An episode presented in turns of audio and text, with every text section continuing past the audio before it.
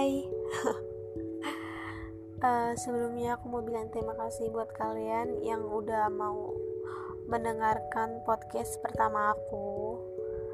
Um, Semoga kalian suka ya. Oke. Okay. Jadi tempat berbagi untuk orang yang berada di posisi paling menyakitkan dan membutuhkan saran ternyata hebat ya.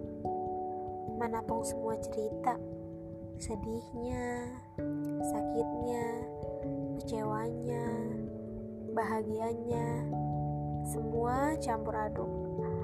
Ketika kita berada di posisi itu, orang kuat jadi orang lemah bagi mereka yang menganggap diri kita adalah kuat.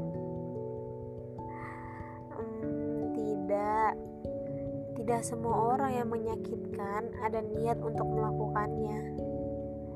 Tapi Terkadang manusia yang merasa dirinya paling sakit itu menganggap orang yang buat luka adalah orang yang paling jahat. Rapuh, sakit, kecewa, luka lama yang ternyata sulit disembuhkan untuk mereka yang pernah ada di posisi ini.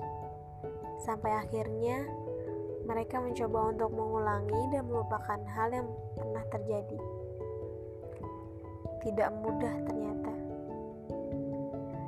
Kecewa itu sebenarnya datang dari diri kita sendiri, bukan orang lain.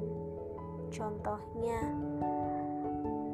kalian kecewa karena orang lain, itu salah. Diri kalian yang salah. Kalau kalian gak menaruh harap kepada orang lain, kecewa tidak akan hadir. Sampai sini paham?